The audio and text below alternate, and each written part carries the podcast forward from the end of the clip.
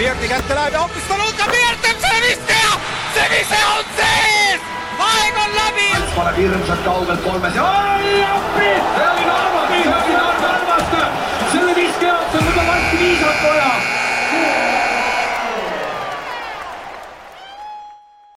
tervist taas, head korvpallisõbrad, korvpalli EM on nüüd ametlikult alguse saanud ka Eesti koondise jaoks.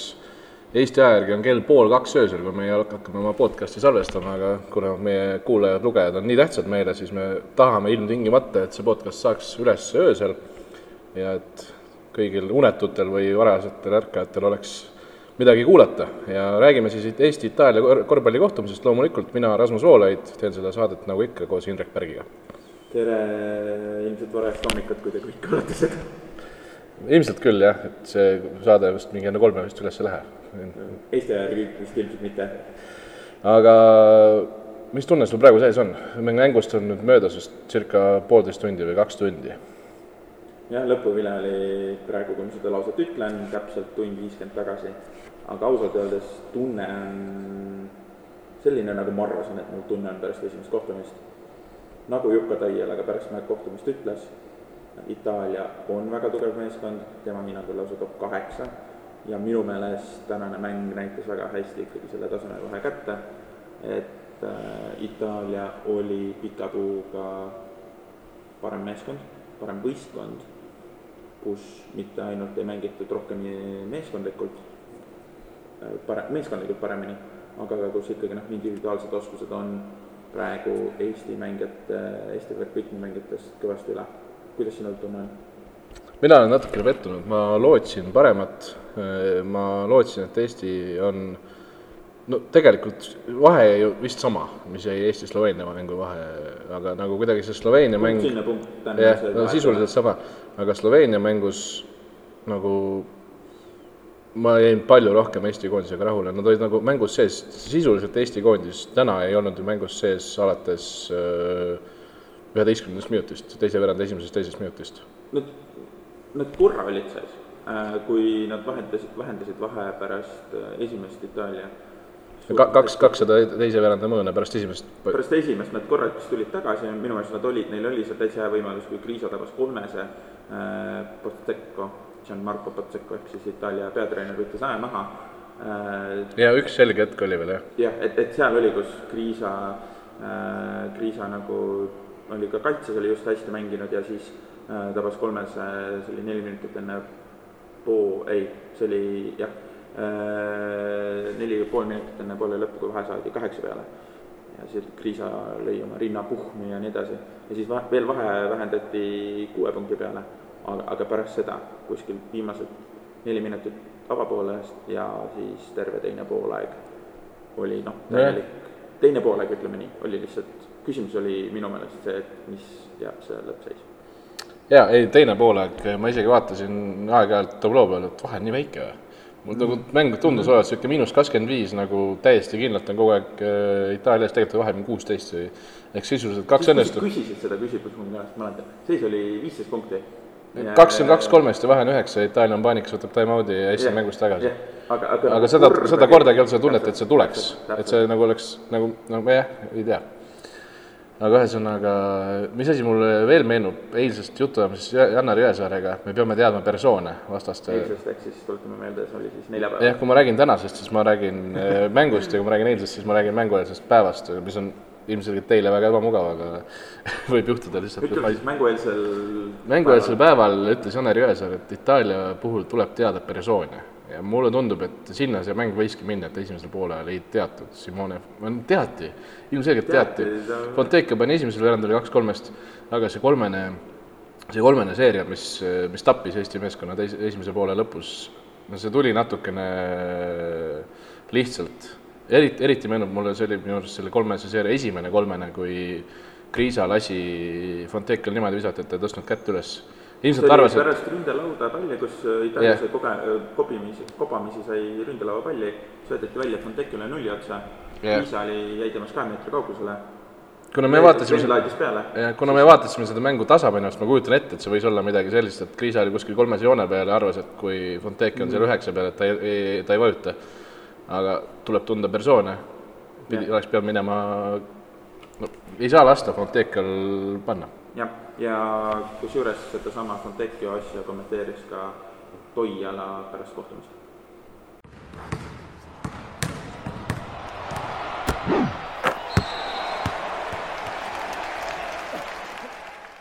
Eks siin see viisteist null, nii ma arvan, et Fondecchio pani kolm väga julget kolmsest sisse ja, ja sellise tunne, kui siin kodisaalis saab, nii siis, siis tohib pannagi neid ja ja, ja Datome samuti, et, et nad oli need võtmemängijad täna. teise veerandi alguses oli veel üks moment, kaks neliteist. jaa mis nendel, nendel hetkedel kõige, kõige rohkem nagu viltu läks? no siin oli, siin oli Nefondeki ju kõvad vised, et, et, et võib-olla, et me ei saanud aru, et tal on nagu see, see vise tapab sealt kümnest meetrist ka, et, et et, et tegelikult siin oli paaris kaitses olid, oldi suht tublid, aga siis viimasel hetkel nagu loodeti, et ta ei viska seal, aga pani. Ja, ja teine oli siis, me eksisime kindlasti siin paar korda nagu pallita kaitses, et me ei hoidanud seda kontakti ja hilinesime natukene ja, ja, ja aga noh, need on väiked detalid ja sellel tasemel nagu, eks me nüüd siin näeme, et, et kui sa eksid, nii näed küll nagu kuidas on punish, punish ivad, sest et, et, et, et, et neid eksimusi pead tegema nagu vähem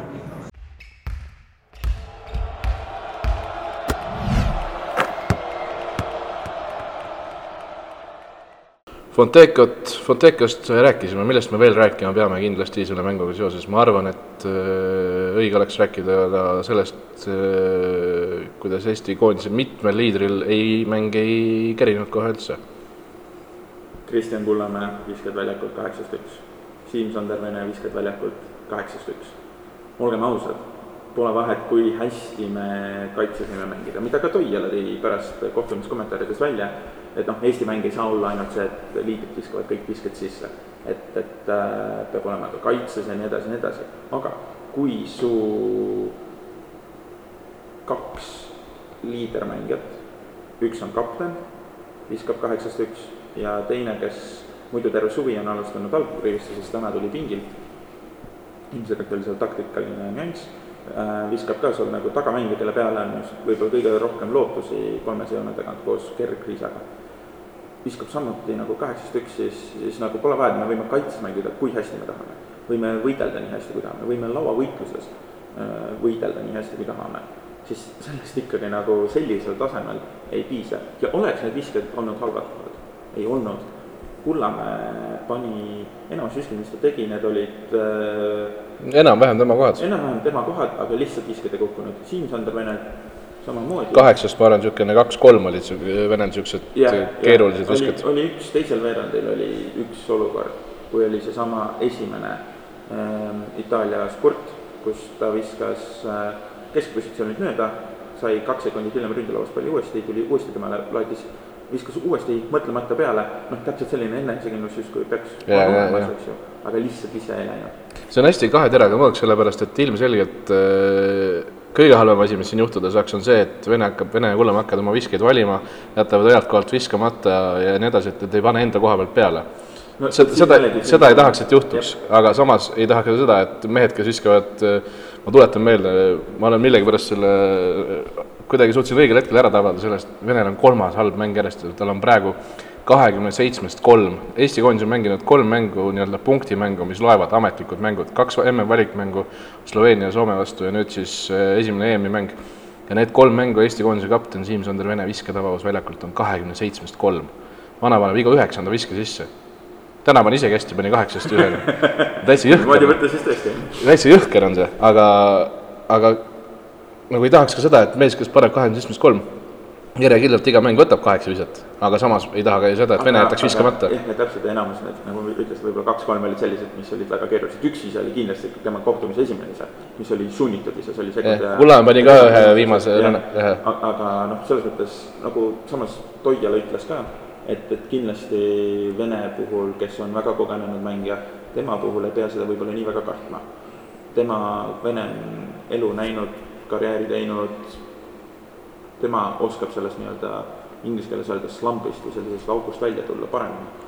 aga samas näiteks äh, Kristjan Kullamäe kohta ta ütles minu meelest väga hästi, et, et äh, tema treeneripingis, treeneri pingil nägi teisel poolel, kuidas Kullamäe lihtsalt kartis mingeid võite viskeid võtta. ja kui me tahame rääkida sellest, et, et äh, Eesti peaks, kui, et Eestil omada võimalust alagrupist edasi pääseda, siis kohe kindlasti kõige veel suurem mure, et visked ei lähe, on see, kui visked jätavad, jätab Kullamäe-sugune snaiper võtmata. jaa, sellepärast et äh, mida ma olen ka siin äh, sel suvel mõelnud, kui Kullamäel on need head viskepäevad olnud, siis me räägime Kristjan Kullamäe puhul mõnes mõttes hämmastavalt vähe sellest, et äh, ta on ikkagi Gert Kullamäe poeg ja ma ei ütleks, et et sellest me räägime palju, sellest me räägime palju. aga, aga et on täiesti võrreldava, võrreldava viskekäega. me ei räägi Gert Kullamäest, me räägime ainult snaiprist põhimõtteliselt. Kristjan Kullamäest, see on minu isegi kompliment talle, et tema mäng võib-olla on nii palju mitmekülgsem, aga ta on täiesti võrreldava viskekäega oma isaga. ta, need mingi viiest neli mängud ja kolmest, kolmest tagant ei ole, ei ole haruldased. et ta on kahtlemata, tema on ka snaiper ja Kristjan Kullamäe peab jätkama viskamist. absoluutselt ja noh, kui me vaatame üleüldse siis noh, statistikasse veidi, et, et noh, Eesti kolmeste tabavus kahekümne kaheksast viskest üheksa läks äh, Vene oleks, Vene oleks õnnelik sellise visketabavuse üle. jah, ärme nüüd, ma arvan, liiga palju ka Siimu, Siimu kallal lõbu, lõõbi, et tegelikult ega see ei ole märgatavalt halvem äh, Itaalia omas, kellel läks kolmekümnest kolmesest kümme sisse. aga lihtsalt küsimus on selles, et kust need visked tulevad, millal need visked tulevad ja, ja, ja mis siis toimub ka kolmesaja joone näiteks seestpoolt, et noh, Kullamäe puhul me räägime peaasjalikult kolmestest enamjaolt, kuigi noh, ta tegi äh, täna tegi ka läbimurdeid. teevad läbimurdeid ja, ja ainukene kord tuligi minu meelest üks, üks kord oli, see ainus kord tuli läbimurdest, kui ma ei eksi. viskad, loomulikult ühe ei, see oli veel, ütleme ainus kord oli tegelikult sellest, mis ei läinud sisse ju. see langev pall ju võeti ära. õigus, õigus, üks kord, kui ta läks läbi, siis ta sai kulpi tegelikult see ei ole ka väga hea, kui sa saad kaheksast ühe, aga see ise, mis sa sinna sisse läheb, tegelikult ei lähe sisse, vaid see noh, on langev pall. Aga veel, no mees, kes täna sai sisse endiselt siis mees, kes Itaalia vastu sai sisse, mitte täna, vaid Itaalia vastu sai sisse, on Gerg Riisa, üheteistkümnest kaheksa, väga hea visketabavus, kuus resultatiivset söötu, väga okei okay. aga ma ikkagi tahaks natukene teda ka kritiseerida, need sageli olid need, no rünnakulahendused olid sellised äh, võib-olla mitte parimad, et äh, küsiti näiteks, teisel poolel oli viis palli kaotust, jah. Teisel poolel oli väga, väga selge hetk, kus äh, Tassil oli lühem mees peal korvi all. Tass, üks tsenter, viisteist minutit mängida, sai ühe viske. see näitab ka seda, et pall ei jõudnud korvi alla, Kriisa ei andnud tol hetkel palli Tassile, vaid võttis ise pigem keerulise viske. ta pani need keerulised täna ära, Itaalia vastu ära, mitte täna, pani need ära, aga sellised asjad lõhuvad natuke meeskonnamängu kindlasti ja sedasama asja tõi välja ka tegelikult Toiala. just seda, et kuidas palli suudeti korvi alla sööta. Me juba kuskil teise veerandi keskel mõtlesime, et kas Kotsariga on midagi lahti. sest Kotsar, kes on te, olnud terve suvi Eesti parim mängija, stabiilselt kõige parem mängija. ta on Eesti parim korvpallur, jah, kindlasti. jah, jah, Eesti parim korvpallur, korvpallur tegi EM-finaalturniiri avamängus ainult kuus pealetused. ja Toiala ütles pärast äh, kohtumist ka väga hästi, et, et äh, lihtsalt ei leitud äh, teda korvi alt üles. et, et see on kindlasti üks selline, üks selline mõttekoht, et kuidas, kuidas parandada ja, ja kuidas, kuidas selle me lõikame välja ei, paneme selle sisse. et, et, et kindlasti nüüd, kuidas Ukraina ja kindlasti Ukraina vastu, kes on, kus on ka loomulikult nagu tugevad suured tsentrid, et, et kuidas, kuidas nende vastu siis äh, saada. et, et Kotsari, Kotsariga ei saa teha niimoodi, et ta saab ainult kuus visat, minu meelest, kui ma õigesti mäletan, kolm nendest visatest olid keskpositsiooni omad. ehk põhimõtteliselt üks oli kolmene ka. üks oli kolm äh,, aa, ei see kusjuures oli, need olid pikad kahesed. jah, pikad et, ka et. noh, selles mõttes see on ikkagi päris, päris, päris kehva laias laastus võib ju jagada tegelikult Kotsari nii-öelda esituse kolmeks, üks on see, mida teeb vastane tema vastu, seda ei saa Eesti või tema ise kuidagi mõjutada. teine on see, kuidas ta ise, kui ta palli saab, kuidas ta tegutseb ja nii edasi. ja kolmas on see, kuidas tagamängijad teda leiavad, kuidas tagamängijad suudavad palli viia korvi alla. ja sellest väga selgelt äh, nii-öelda äh, see mõjutab ka seda eelmist punkti, ehk äh, mulle tundus, et just see, kuidas Kotsarit ei leitud, mängus väga pikalt, minu arust esimene episood, kus ta sai ründa, ründas palli, ta sai, aeg-ajalt ta viis palli üle, küll mängu alguses, aga esimene kord, kui ta sai rünnakul palli, oli siis, kui ta võttis ise selle Mellilt ära ja läks vajutas kiirrünnakus pealt, et see oli kuskil esimese veerandaja keskel, neli minutit ta ei olnud palli, neli minutit ta ei olnud palli saanud põhimõtteliselt. ehk siis need hetked, kui ta, kui, kui ta nii pikalt alguses ei saa palli ja kui teda ei suudeta mängu kaasata, siis ilmselgelt ta ju ka mängu nii-öelda edenedes ei kuidagi ei, ei ole rütmis, ta ei ole, ta, tagamängijad teevad kogu aeg, tagamängijatel on pall, nad on neli minutit lustinud. Ja Kullamäe saab või Kotsar saab alles siis esimest korda palli ja, ja jälle, jällegi pärast pikalt ei saa, nii et ma arvan, et äh, tagamängijate ebakindlusest äh, palli viimisel korvi alla oli tingitud väga selgelt ülejäänud Kotsari halb esitus ka, mis võimalik, täitsa võimalik jah, et, et, et siin minu meelest on väga märgiline see, et noh, okei okay,, teisel poolel ei olnud küsimustki, nagu varem ütlesin, kes kohtumise võidab, küsimus oli lihtsalt lõpptulemuses. minu meelest väga märgiline on see, et äh, Toial pani Kotsari veel neljandal veerandil mängi, mängu, kui vahe oli mingi kakskümmend punkti. ja ta lasi tal kolm-neli minutit mängida.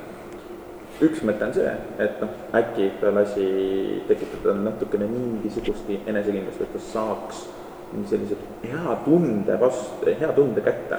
et noh, ega Kotsari jaoks on ka loomulikult on mänginud Armenski ei finaalturniiris, Final Fouris loomulikult, aga noh, EM-finaalturniir ja, ja, ja nagu suurte noh, finaalturniiril mängimine on loomulikult temale ka esmakordne kogemus ja loomulikult rahvuskoondise esindamine on midagi muud kui ülikooli eh, meeskonna eest mängimine, aga ühe sellise, ühe, ühe sellise vahetuse, kui juba Kotsari vahetusest me räägime tegi ju tegelikult ta täitsa mängu lõpus Toiale ka Kristjan Kullamäega.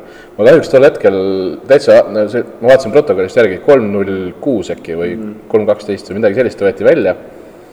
ma arvasin, et see mäng on läbi, ma ei jälginud Eesti pinki, mis seal toimus, kaks viiskümmend kaheksa meest tuli tagasi väljakule, et oli täpselt ühe episoodi oli ta pingil. ma ei, ma ei tea, kas ma tõesti täiesti puusalt spekuleerin, ilmselt telekas ka näidati, mida tol hetkel just Toiale Kullamäega tegi, kas ta, kas ta äkki seletas talle midagi kas ta, kas ta nagu pragas temaga, kas ta süstis enesekindlust, mida iganes. aga üks Martin Torbeku viga hiljem ja, ja Kullamäe oli tagasi väljakul. ma tõesti ei tea, mis seal juhtus, aga mulle tundub, et see võis olla selline kuidagi nagu kasvatava, kasvatava alatooniga vahetus nagu. täitsa võimalik. aga kui mitte, et tahaks veel negatiivsetest asjadest väga rääkida. Äh, üks asi, mida me ei ole seni maininud, on lauavõitlus mis Eesti kaotas äh, no ikka väga suurelt nelikümmend kaks, kakskümmend kaheksa, kusjuures vastased said kaksteist ründelaua palli, mida on ilmselgelt väga palju. Ähm, esimese veeranda järel ma tegin, vaatasin, äh, see esimese veeranda kõige lõpus tuli pealeviise, Itaalia see ründelaua pani hullu veel peale, täitsa viimasel sekundil ei läinud sisse, see konkreetne pall oli Itaalia esimene ründelaud. ehk esimesel veerandal nad võtsid üheksa minuti, viiekümne viie sekundiga null ründelauda ja ülejäänud kolmekümne minuti jooksul nad võtsid kaksteist. seda on kõvasti liiga palju teine asi, mis, mis tuli teisel poolel välja, Janar Jõesaar oli avapoolel koos Henri Trelliga. üks parimaid mängijaid väljakul, mitte väljakul, vaid sinises särgis. Nemad olid Eesti parimad mängijad, Jõesaar ja Trell. mõlemad kadusid küll teisel poolel erinevatel põhjustel ära. Trell, Trellil kadus, ta sai teise veerandi lõpus, sai selle kaheldava vea kaitses mis pärast mida ta tegi trelli, ehk siis muutus väga emotsionaalseks, seekord õnneks suutis end vaos hoida. see mulle tundus, et jah. aga äh, see rikkus tema mängu teisel poolel silmnähtavalt. lisaks see ka, et ta ei osutanud, alustanud millegipärast teisel poolel algrivistuses, kui kavapoolel ta oli. ja aga suurem murekoht on Janar Jõesaar. Janar Jõesaar, ta oli pikka aega koondisest eemal vigastuse tõttu nüüd viimased nädal aega, ilmselt poolteist nädalat, kaks nädalat on olnud uuesti koondise juures, aga es-, avapoole ajal ta viskas üheksa punkti, oli võitlas, sai ka neli lauapalli, kusjuures ta sai koondislastest kõige rohkem lauapalle ja seda ainult esimese poolaega. neljateist minutiga. neljateist minutiga. aga teisel poolel ta oli väljas äh,, Toiala ütles pärast mängu, et ta täpselt ei tea, mis temaga juhtus väidetavalt olevat mingi põlvevigastus. Ähm, Toial lihtsalt ütles, et noh, temal ütlevad füsiod, kas mees mängib või mees ei mängi.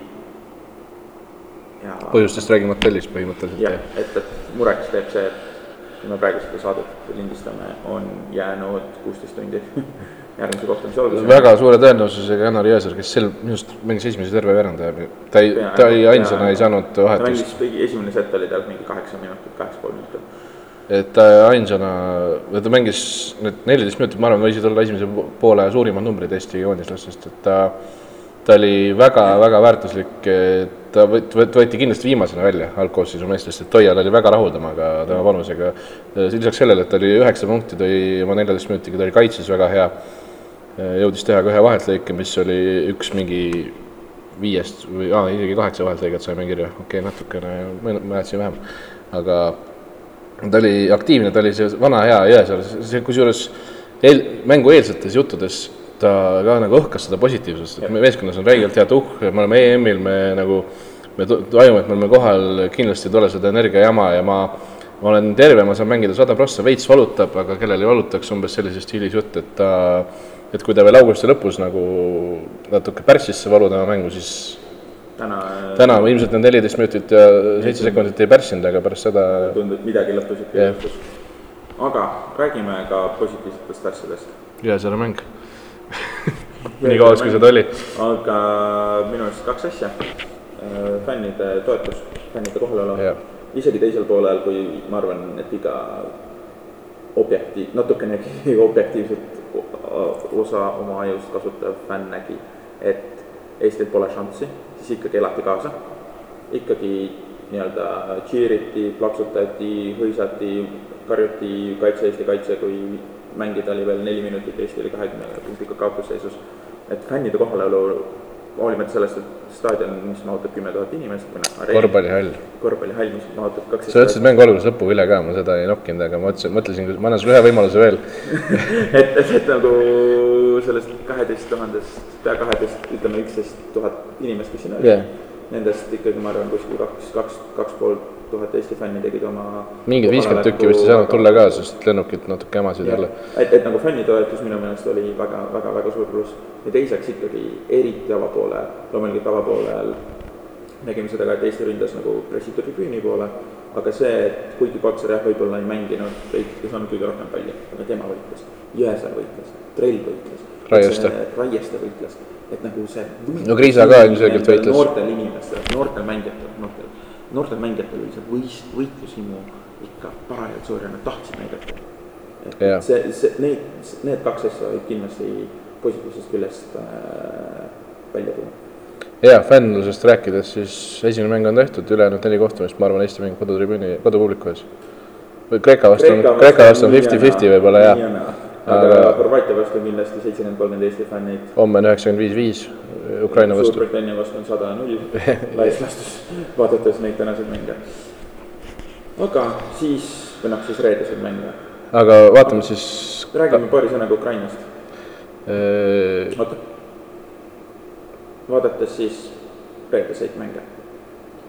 aga vaatame ka siis otsa laupäevasele kohtumisele, Eesti kohtumisele. Eesti-Ukraina. Hirmutab see Ukraina meid natukene? see hirmutab küll, eriti sellepärast võib-olla, et need öö, kaks meest, keda peaks kõige rohkem kartma, kaks NBA meest neil on, mõlemad tunduvad jube heas vormis olevat. jah, kui meie kuulajad ei tea, siis Ukraina alistas täna kolmekümne punktiga, tehniliselt kahekümne üheksa punktiga. Suurbritannia, eks osaliselt oli seal kahte asja mängus. Suurbritannia oli kehva, Ukraina oli väga hea lausa, võib öelda vist.